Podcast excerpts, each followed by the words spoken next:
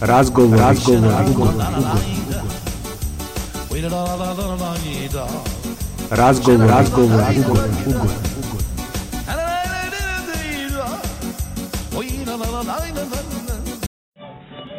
Dobrodošli na digitalne talase Underground radija. Ovo su još jedni razgovori ugodni. Ovog puta u klubu Rebel Relic, kojim ćemo kasnije podneti račun za reklamu. E, Sa nama je Vladimir Martić, pisac i još po nešto. Povod ovog razgovora je izlazak njegovog drugog romana pod nazivom Dekaton, Zavet Senke. Vladimir, zdravo i dobrodošao na Underground radio. Zdravo ekipu, bolje vas našao, pozdrav za sve vaše slušalce. E, prvo pitanje, zašto pišeš epsku fantastiku? Da li je to tvoj beg od realnosti ili upravo suprotno, metaforičko ukazivanje na probleme u ovom svetu? To je i jedno i drugo, a zašto je pišem? Pa zato što sam sa sedam godina gledao gospodara prstenova, družinu prstena u bioskopu, tata me je odveo, ja sam gledao taj film, za mene to bilo fascinantno, nisam mogao da verujem šta je to i od tada želim da budem vitec koji se bori sa čudovištima, s mačem. Ali naravno, ovaj, porastao sam i odrastao sam i onda je ta epska fantastika i želja za pisanjem iste, ovaj, malo se transformisala i u prikaz nekih realnih stvari iz naših života koja je morala da odu u moju fantaziju, dok sam ja i bežao od nekih životnih nedaća. E, dobro, ovo je drugi nastavak sage, koliko znam treba da bude sedam. Zašto sedam? I zašto svi ti epski romani ne mogu da se uguraju 300-400 stranica, nego treba par hiljada?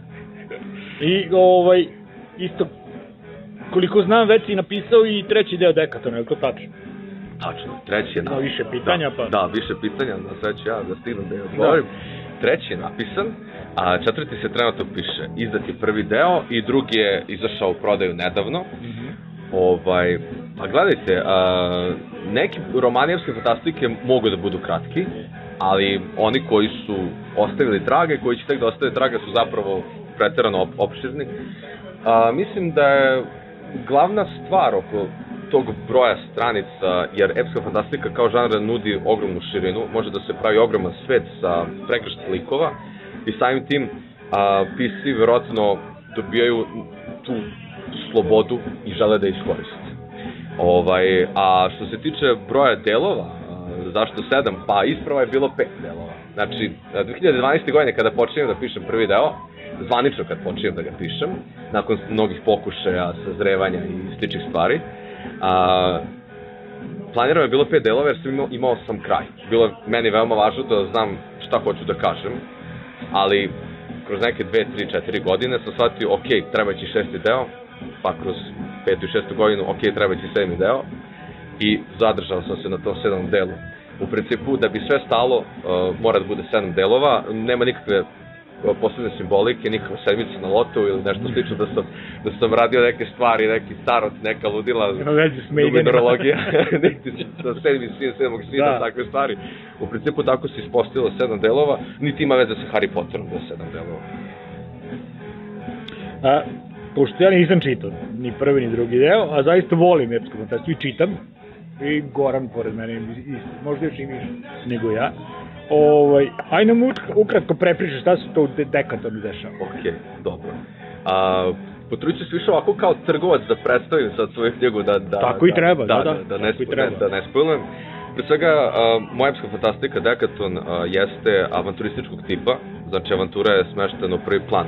Određeni junaci proživljavaju svakakve svakakva čudesa, ne čudesa, svašta nešto, a, a dok oni proživljavaju svoju avanturu, to se isprepliče sa mnogim državničkim, religijskim, porodičnim i ratnim pitanjima, tako da to su te ne, neke stvari iz naših života realnosti koje tu uplićem i e, trudim se da ne štetim previše a, epskoj fantastici, ali mislim da na domišljat način a, možda i ceram čitaoca da se zapita o nečemu, što sam imao prilike nakon godinu dana od kako sam da kažem nekakva, nekakav afirmisan autor i pisac, da su ljudi već obratili pažnju na neke teme koje sam postakao, da razmišljaju o nečemu, na primjer što se tiče religije, striktno da kažem, tako da to je, da kažem, nekakva tema romana. Tema romana jeste rat, ali ne da bi se rat veličao ili da bi se prižetkivao, već da bi se prikazale grozote tog rata i da rat društvu nije nikako potreban, već da su nam potrebni mir i ljubav. To je priča iza sveg tog junaštva koje tu postoji i zla koje se naravno a, pojavljuje. Znači, Dekaton je antiratni roman. Da, Dekaton je, Dekaton je u suštini antiratni roman, a, i to treba čitalac da uvidi, nadam se i da hoće. A glavni junak se zove Taratarn Vukov, um, on je u prvom delu i takako protagonista, kasnije se tu pridružuju drugi glavni i manje glavni junaci. Ovaj, sad šta on proživljava i šta on sve radi, a, pa to sad ne bih hteo da otkrivam, ali da kažem da u prvom delu a, stvar je oko dezerterstva. Da li treba slušati slepo vlast sa vrha, to jest upravnika države, ili treba slušati svoj instinkt da bi se sačuvali zapravo nedužni i da bi se izbegla nekakva vrsta birokratije koja tu postoji, koja je uspostavljena. Znate, vi sad primetite neprijatelje pred vratima koji žele da napakosti vama i vašim bližnjima, ali postoje protokole koji moraju da se poštuju. Sad zbog poštujućih protokola možda će da stradaju nevini životi. I Taratar se sa tim borio, na primjer, u prvom delu. Eto, sad ja više pričam iz neke perspektive a, sadašnjeg vremena, ali naravno to je epska fantastika, svet koji je u nekom tehnološkom smislu predstavljen u visokom srednjem veku, tako da tamo nema te terminologije, ali u principu to je poenta koju mi možemo da razumemo. E, kad pišeš epsku fantastiku, neminovno je poređenje sa Tolkienom. I koliko si uspeo da ne upadneš u tu zamku sličnosti sa gospodarom prstenova, i tu ne mislim na sam tok romana, naravno, nego i smišljanje novih svetova, nadprirodnih bića, upadanje u kliše samog žanra. Ovo je odlično pitanje, zaista odlično pitanje. Um, ono što bih ja kao pred odgovor svom odgovoru dao jeste da e, zanima me kada će se desiti trenutak kada neko bude razgovarao sa pisaviske fantastike i da se više ne spomene Tolkien. Tako je. Ovaj, generalno to mislim da nijedan pisac osim Tolkiena ne može da izbegne, naravno koji je došao posle Tolkiena, bilo je nekoliko za vreme njegovog života i pre, koji su se bavili mačem i magijom ili opuštom nekom fantastikom. A, pa gledajte, a, pošto sam na prvu knjigu sam napisao u šestom razredu, znači sa 13 godina i ona naravno ne, ne može se previše očekivati od dečaka da napiše kvalitetno štivo, ali tu je bio veliki potencijal. Kako se zvala?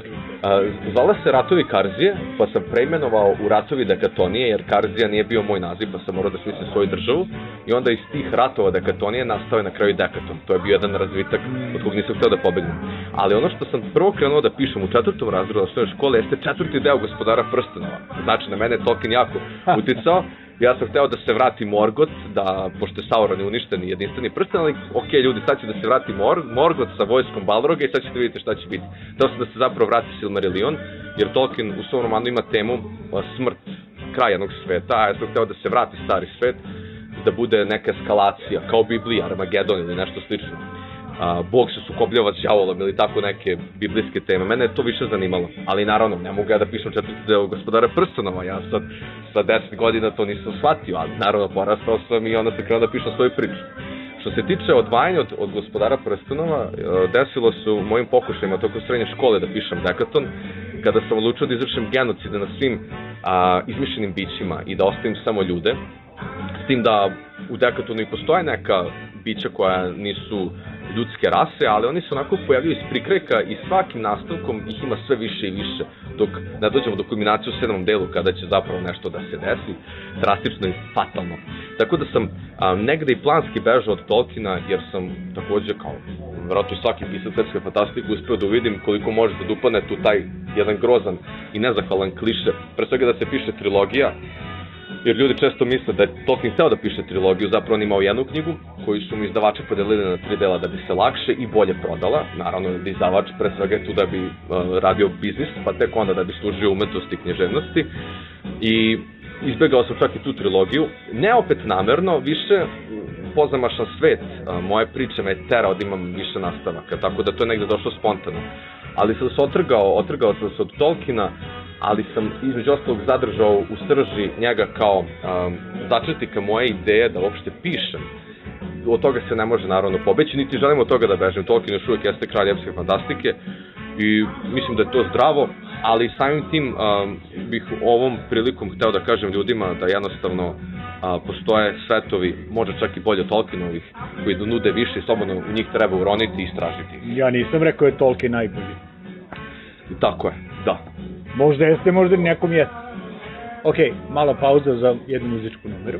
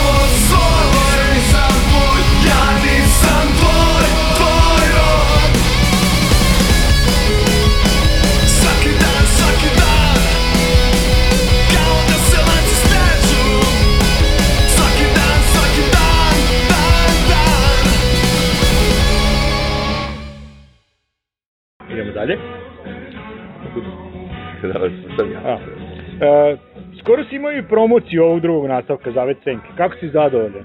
I promocijom i prodajom. Kako je prošao prvi deo, Dekaton, početak rata, da kažem kako se zove. Kakvi su utisci čitalaca, feedback? Ja ću svako hronološki vratiti na prvi deo i na, na prvobitu promociju koja se desila u Edšegu prošlog septembra. Tu promociju smo organizovali mi iz udruženja Kodeks koji smo samim tim izdavači Dekatona. Nekako smo se trudili da ta promocija bude gala, da ne bude jedan, jedan klasičan um, skup ljudi koji slušaju pripovedača, recenzenta ili još ako govornika o knjizi, već pored priče o knjizi smo priredili jedan mini koncert gde smo svirali um, muziku iz knjige. Meni je palo na pamet da radimo muziku za knjigu, ne znam koliko je to uopšte popularno ili, ili uh, prihvatljivo, ali ja sam tako nešto odlučio. Radili smo akustičarski koncert od 20 minuta sa pet numera, i mislim da je to između ostalog kupilo publiku. Na, iz, između ostalog na, pub, ovaj, na, na promociji smo a, prikazali a, repliku mača iz knjige, ali to je bio pravi iskovani poručni mač koji se zove Očinjak, koji pripada Taratavu Vukovu. Pronašao sam a, kovača u Sremskim Karlovcima, tako da sam zapravo a, hteo ljudima da približim taj ceo moj svet i da na svim poljima gde mogu bilo šta da uradim, hteo sam da se potrudim.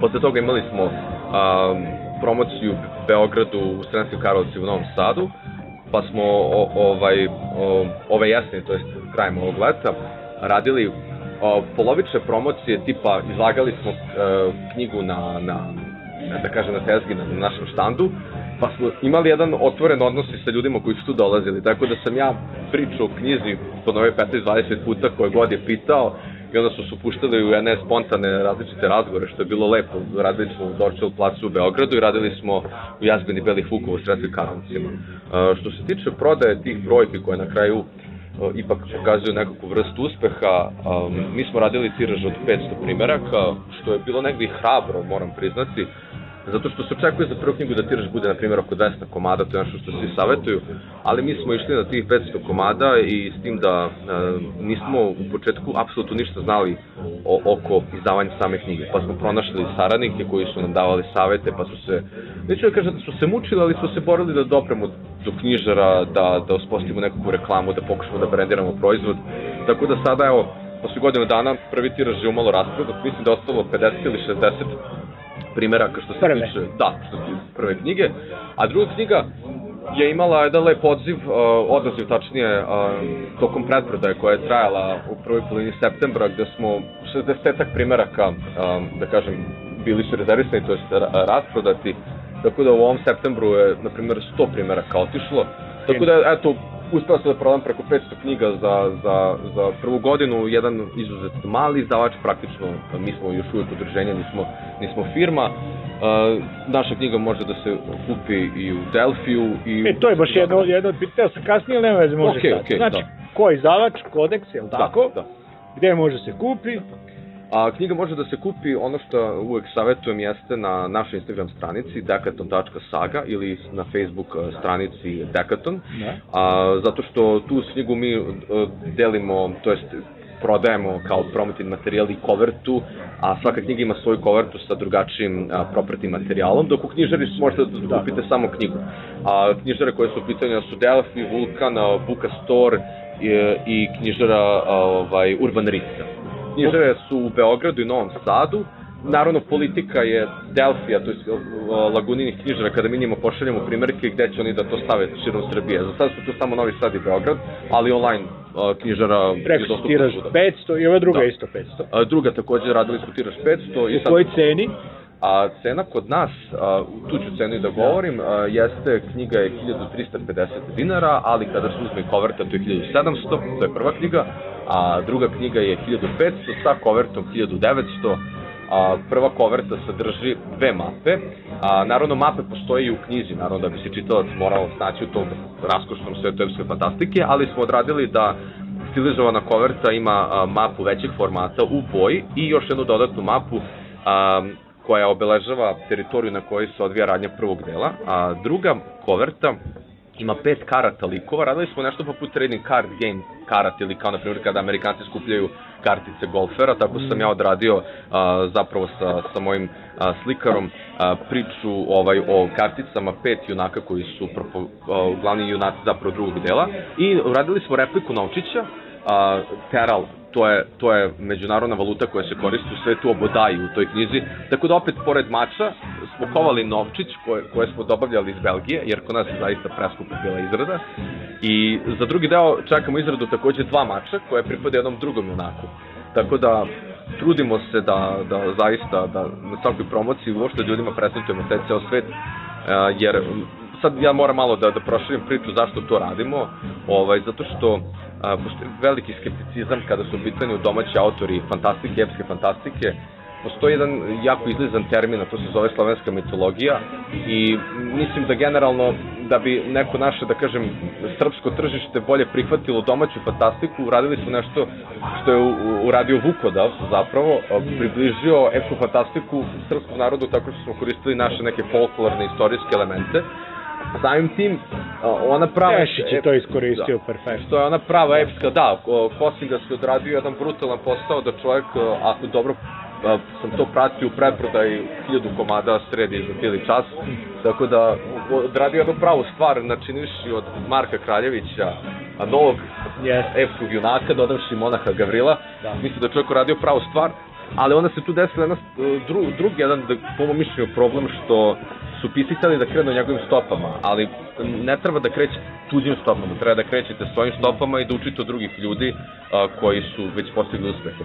Tako da ovaj, ono što ja, zašto to sve radim jeste da bih možda zbacio sa sebe predrasudu domaćih pisa fantastike koji pokušava da kopira druge. On je pokušaj kopije drugog sveta, ovo je zaista moj svet, moja priča i naravno a, imam uzore od velikana koji moraju kod svakog autora umetnika da postoje. Ko ti pomaga u stvaranju i izdavanju knjige?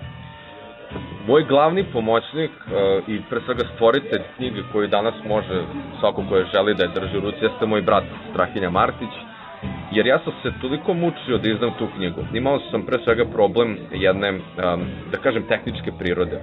Bio sam um, pre nekoliko, mislim pre godinu i po dana sam bio jedan nepoznat pisac koji nije ništa izdao, nigde ništa nije pisao, osim rada iz osnovne škole, kada sam poslao na, na jedan državni konkurs taj moj prvi roman iz šestog razreda gde sam dobio nagradu na državnom nivou. Osim toga, a, za mene niko nije znao i onda sam ja pristupao e, izdavačkim kućama sa pričom o velikom romanu i o mom nepoznanstvu. Jel? I naravno da e, malo ko je hteo da mene uzme u svoje okrilje, zato što sam ja ljudima bio pre svega veliki trošak. Samim tim je rizik, jer izdavači, pre svega ja sam sad već ranije u ovom intervju sam spominjao neke stvari vezane za biznis izdavaštva, gde ljudi koji su godinama o tome mnogo bolje znaju to od mene. I naravno da se ne nekom tamo uredniku da rizikuje sa mnom pa da na kraju mora po turu da dobije od direktora, meni je to sve bilo jasno. I onda sam ja kao pravi umetnik odlučio da uh, knjigu pišem, da napišem sedam delova, ali da se više ne trudim da izdajem. Odlučio sam da zaista uradim jedan ozbiljan posao za sebe samog na kraju krajeva I onda je došao moj brat koji je uh, rekao, ok, to mora da se izda, ne može to da ostane na nekoj tamo polici, praševo i pa, paučina stoji. Ja sam mom bratu onda rekao, dobro, ovo je sad klasična bratska ljubav, ti si sad si, samo sažaljenje, sa, sažaljenje nadavno mi, tako ti sad ne želiš da ja propatim ili slično. Ne, on je rekao da on zaista veruje. To on je rekao, ok. Je to blagoslov? Jeste, da. Blagoslov imati, imati brata sa kojim imam mnogo dodirnih e tačaka. Delite isti da, interesovanje. Da, zato što nema baš svako ni priliku da sa bratom ili sestrom deli isti interesovanje. Naravno. Ovaj, to se takođe dešava, ja sam imao tu sreću, nebesa su me pogledala, tako da Strahin i ja smo zaista jedan uh, dobar duo i on je odlučio zbog te knjige, verujte imam kvalitet da osnuje zapravo udruženje, da postane direktor, da ga finansira i da ulaže u njega. Tako da sam mu na tome sam mu beskreno zahvalan i on je zapravo čovjek koji je a, pored toga što na knjizi piše Vladimir Martić, ali zapravo Strahinja Martić je stavio reflektor na tu knjigu i otklonio tamu sa njim.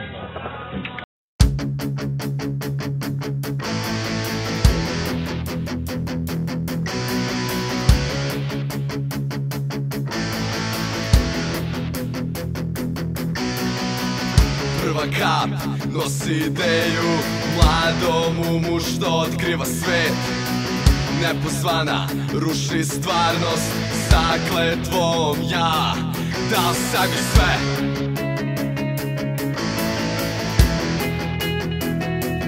Dao sebi sve.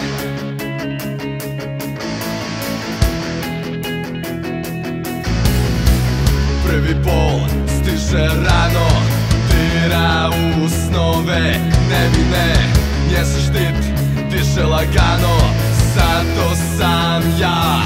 Njoj dao sam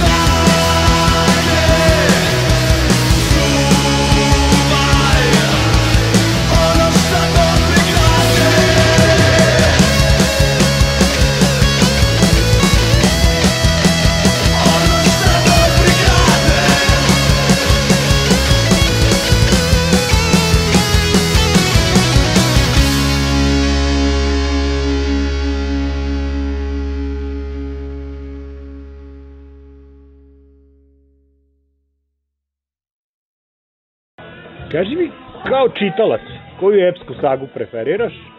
I šta si čitao domaći pisaca koji pišu epsku fantastiku i koga bi nam od njih najpre preporučio?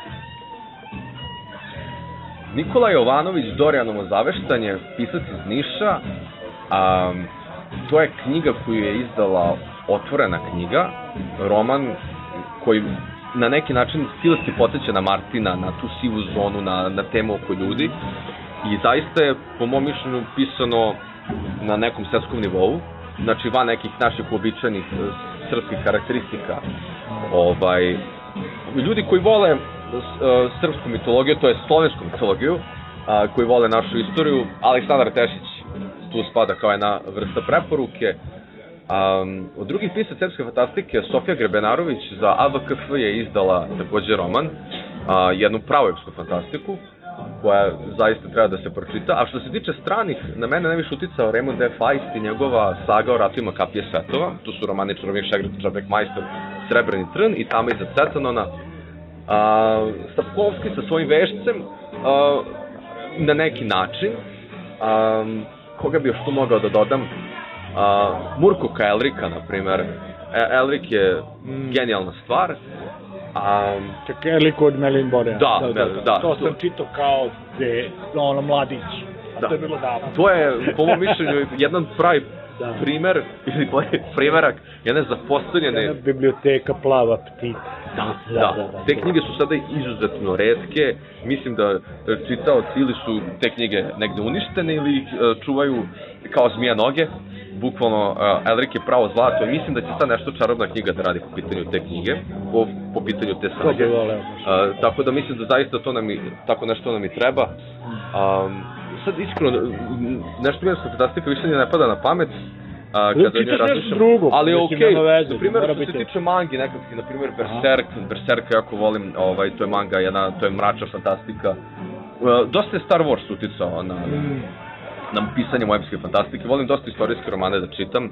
A, povremeno zađem u teologiju i filozofiju, odatle, od, odatle crpim um, inspiraciju. Na neki čudan način Biblija je takođe jedna od inspiracija za, za, za Dekaton, ali uh, kad kažem, Jedno je intimno pitanje, Da. jesi li religiozan? a nisam religiozan. Nisam religiozan, ali sam produhovljen. Znam puno ljudi koji su pročit, koji nisu religiozni, ali su pročitali Bibliju i kaže i, i u neku, na neki čudan način im se dopalo. A, pa, ja sam kratko studirao istoriju i onda smo u, u uvodu istorijske studije imali jednu jako važnu lekciju da, a, gde smo, zadatak istoričara kada proučava prošlost ljudskog društva, je da mora da bude svestan kako su a, ljudi razmišljali u određenom vremenu. Znači, mi ne možemo da postavimo razmišljanje a, jevreja u, u Siriji pre 2000 godina kao osobe u našem vremenu. Jer imali su drugačiju tehnološko okruženje, pre svega trendove življenja. Tako da sam ja a, se trudio da pristupam čitanju pre svega Novo, Novog Zaveta kao delu koje je bilo pisano za ljude iz tog vremena da bi oni to shvatili. Kada bi sada možda bio nekakav novi mesija, ta knjiga bi se pisala na sasvim drugačiji način. Ovaj, ali opet ne se zanemariti, čitao sam to i u, i u islamu, jednostavno čitao sam, u budi- na primer, što se tiče tih religija, uh, na primer, dobro, Bushido nije religija, ali okej, budizam jeste, ali, uh, da kažem, taj samurajski kod, na primer, istočnička kultura, uh, japanski način razmišljanja mi mnogo me privukao i shvatio sam koliko smo mi podeljeni od tog od, dalekog istoka i smatram da je to negde greška. Zapravo, ono što bih ja rekao po pitanju religioznosti i produhovljenja jeste da ne smo biti konzervativni. Zapravo treba da primimo od svega najbolje, jer tako ćemo svi biti, po mom mišljenju, najbolji ljudi i spoznaćemo tu, da kažemo, na primjer, ljubav Božja o kojoj se priča. A, a uopšte spoznaja samog Boga i neke stvari, mislim da je to dosta udaljeno od nas i da svako ima neko svoje mišljenje koje zapravo na kraju ne treba zazirati, ali ovom prilikom samo molim ljude da ne budu pasivno agresivni po tom pitanju, jer sam često nailazio na religiozne ljude koji posjeduju izrazitu pasivnu agresiju, koja je možda čak gora od one tvrdokorne prave agresije, jer sa agresivnim ljudima znate negde na čemu ste, a s pasivnom agresijom ne znate na čemu ste. Ajde se dotaknemo malo rock'n'rolla. Yes!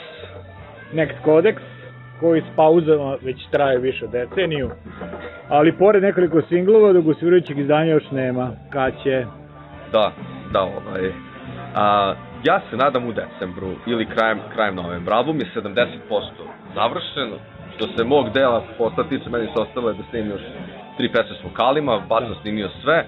Tu sad gitaristi se uh, bakću oko te poslednje 3-4 pesme, bubnjevi su takođe završeni, naravno onda ide masteriranje, miksiranje, produciranje, taj deo posla. A, album će takođe da izda kodeks udruženje, tako da kodeks će da izda next kodeks, s tim da naše kodeks udruženja je napisano gramatički tačno sa sodeks, ali mi smo Da, u da. kodeksu napravili namerenu pankersku grešku, stavili smo k umesto c i mislim da jednom ranije kad su pitali što će to raditi, ja sam rekao pa k mi je lepše slovo, slovo c, tako da ovaj... To su i Halloween uradili. Da, tako je, da. To je prvi pravu stvar. Tako da to je to. Šta to svira Next Codex? Power metal sa zmajeva i mače. ovaj, a, ne, a, a, ali, ali mislim da, da će se na drugom albumu, ali da ne pričam ja predaleko, jer je čovjek koji ima sad i četvrtu knjigu piše izda, DFD pročitao prvu kako se jedan Da. dotična osoba sa ovom našalila. Ovaj, mi smo u suštini hard rock band, Da. jer a, Strahinja i ja su takođe šefovi u tom bandu što se tiče a, neke muzike i zapravo komponovanja. I mi smo imali klasične uzore u Zeppelinu, ACDC-u i svim tim grupama 70-ih, 80-ih, nek normalan, jel, početak. Ali uh, mi smo zadržali hard rock formu, mislim da usudio bi se reći da smo mi čak modern rock band, zato što bacujemo neke moderne aspekte u sviranje, zadržavajući taj tvrdokorni hard rock zvuk. Zato što smo radili sa singlovima za sad s novog albuma, izbačene su pesme Ja nisam tvoj i Strah od tvrti, na primjer Ja nisam tvoj obilo je punkerskom energijom, Tako je, da. strah od tvrti u sebi sadrži uh, metal elemenata. Uh, sledeća pesma mislim da će čak biti nekakva balada, pa će čak biti jedan bluz na naš način. Tako da ovaj sudit ću se reći da, da sam hteo da uh, prekopiram jedan recept, recept, jel, recept, recept koji je radio Jimmy Page sa Led Zeppelinom, da se okuša u, u mnogim žanrovima, tako da je Next Codex će raditi nešto što radi i Blind Guardian, tako da će možda biti pokoja pesma o ne, zmaju, biti nekakve akustične a, svirke, bit će i orguljanja, ali to ćemo sve da ostavimo za, za a, naredna naša izdanja.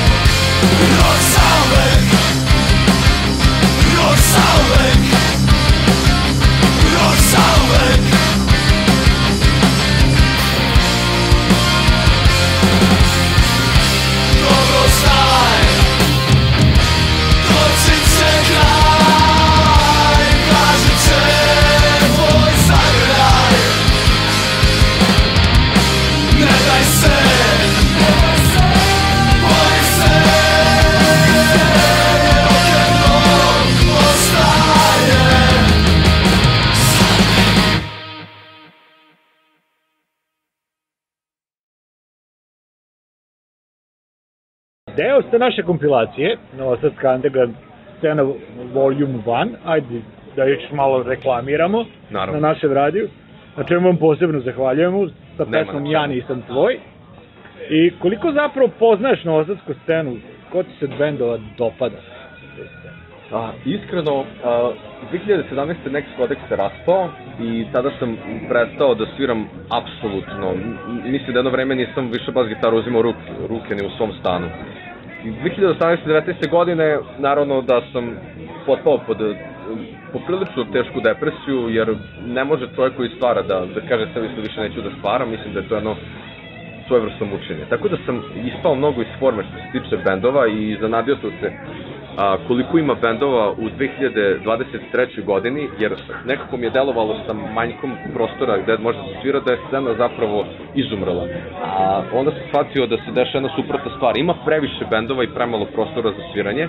Slažem negde, se. mi, I negde mi je krivo što ne mogu ni da, da, da naučim što, što ne mogu ni da, da, da, pre svega da naučim, da istražim a, koji su to sve bendovi i, koji sviraju, pre svega bendovi iz našeg grada Novog Sada, ali ova kompilacija je jedan idealan prikaz toga.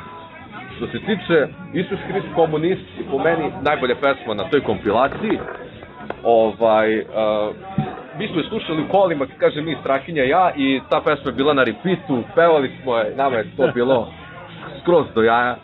Tako da ovaj ima ima dosta dobrih bendova, jako ste dobro ukombinovali uh, jedan flow koji teče od početka do kraja.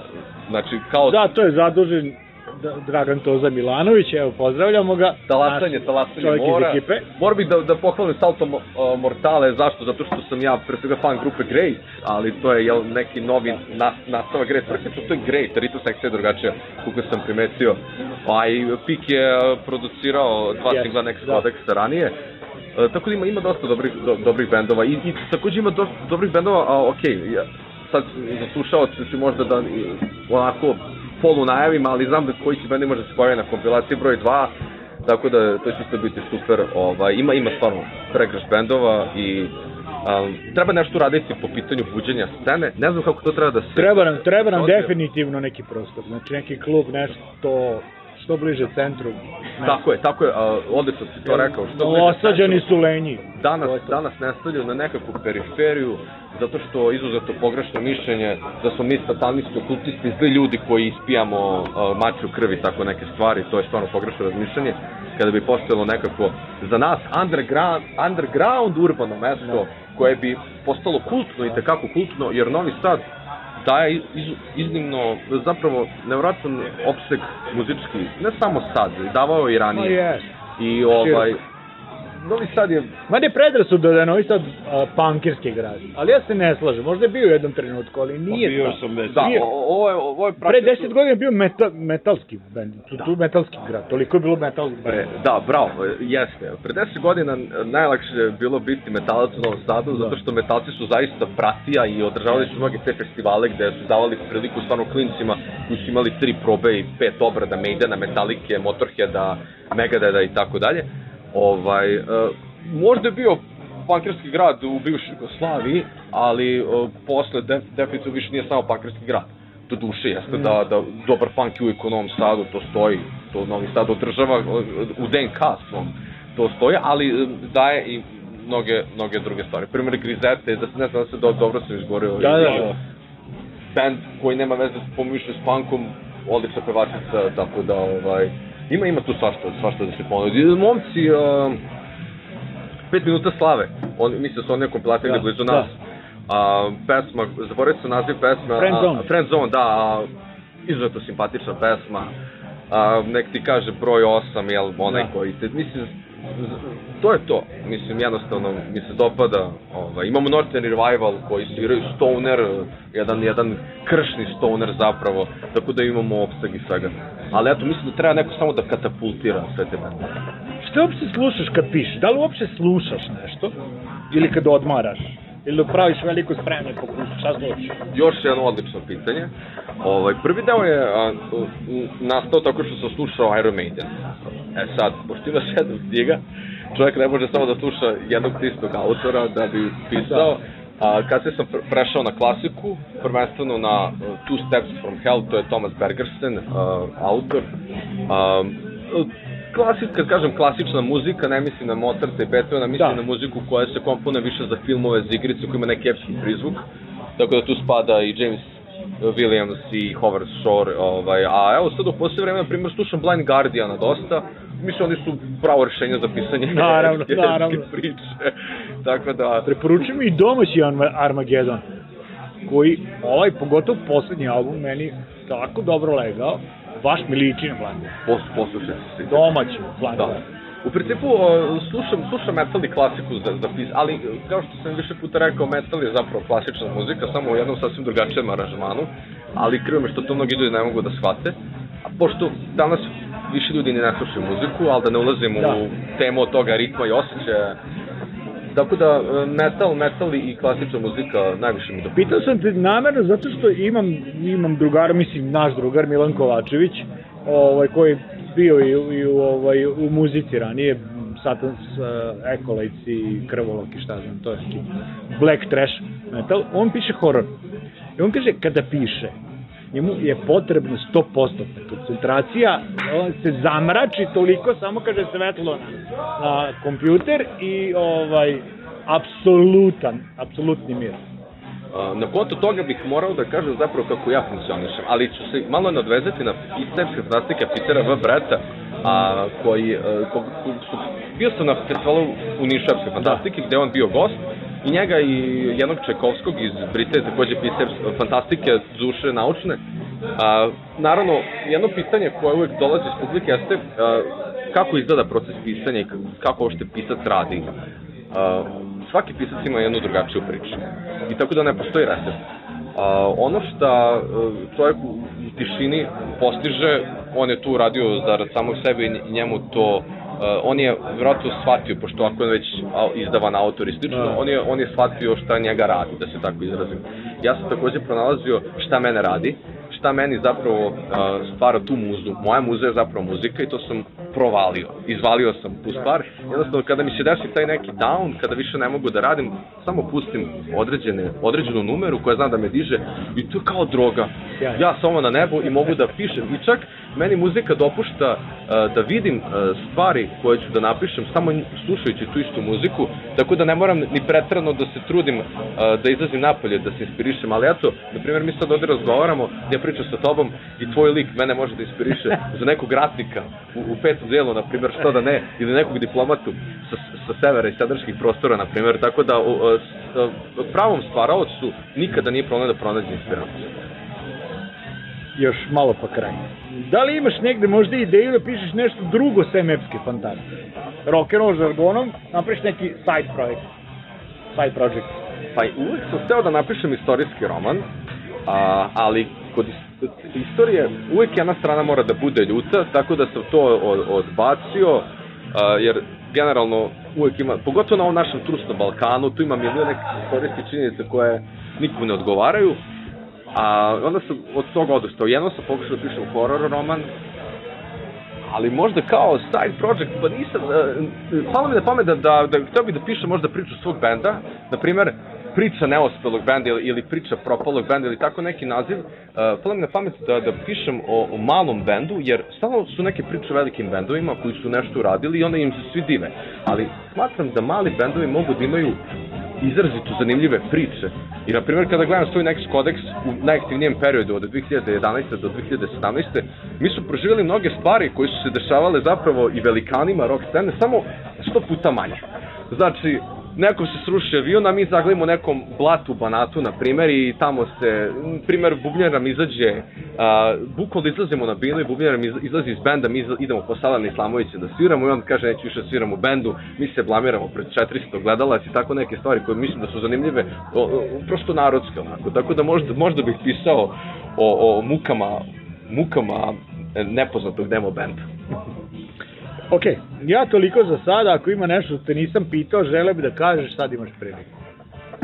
Uh, ili, ili da, ču, da čutim večno, ovaj, ili da čutim večno sad nešto reci Vladimire, pa za sam kraj, ne bih, ja ništa tu ne bih dirao, da se, da se tako izrazim, ovo je bio zaista dobar intervju. Znači, planovi su, znači, sedam, sedam, knjiga, sedam, sedam knjiga, uh, sedam albuma, neki sedam albuma, sedmi sin sedmog Da, sina, Iron da. Maiden, tako da to je to, ništa hvala ti što, što si me Čekaj, propitivao. čekaj, pored pisanja knjiga, uh, imaš bend, voliš da gledaš futbol, tako? Volim da gledam i fudbal. E, to te nisam pitao, nisam znao. Volim, volim da gledam. Koju ligu voliš? Volim da gledam najbolju ligu na svetu, premijer ligu, engleski I, fudbal. I za koga navijaš? A, navijam za najbolji londonski klub Arsenal. ovaj, ovo je, ovo ovako, teška srca, moram da priznam da ste trenutno, trenutno najbolji. Trenutno, ali samo trenutno. ovo je bilo malo dogovoreno, jer za ovim stolom sede, sede navijači Chelsea, Liverpoola i Arsenala. Ali o, držimo se oko, oko iste stvari, a to je da je to najbolja liga na svetu, najzanimljivija, dramatična, izuzetno. I, Gledajte Premier ligu i slušajte Underground radio i čitajte Dekat. I slušajte next codex. Živi bili! Ćao.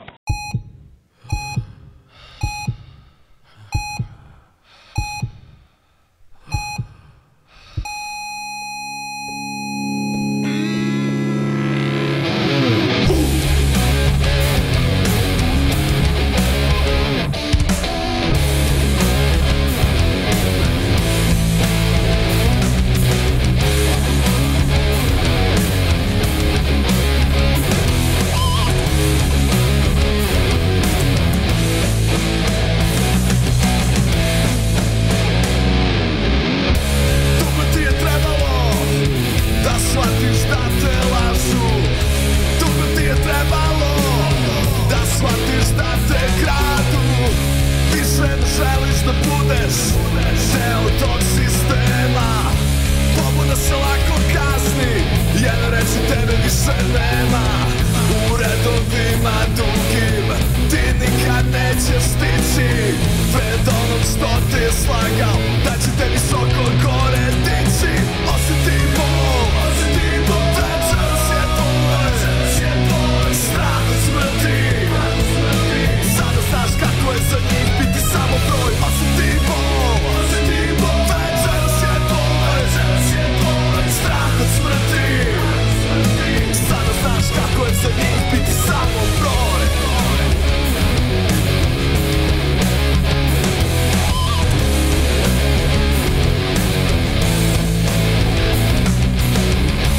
Tučen i poražen Pustiš po prašini Tučen i poražen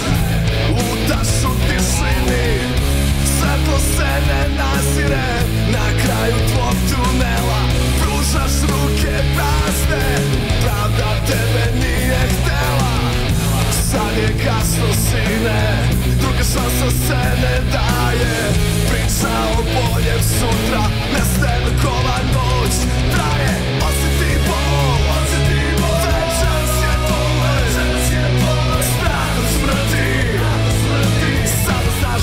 za njih biti samo broj Osjeti bol Večeras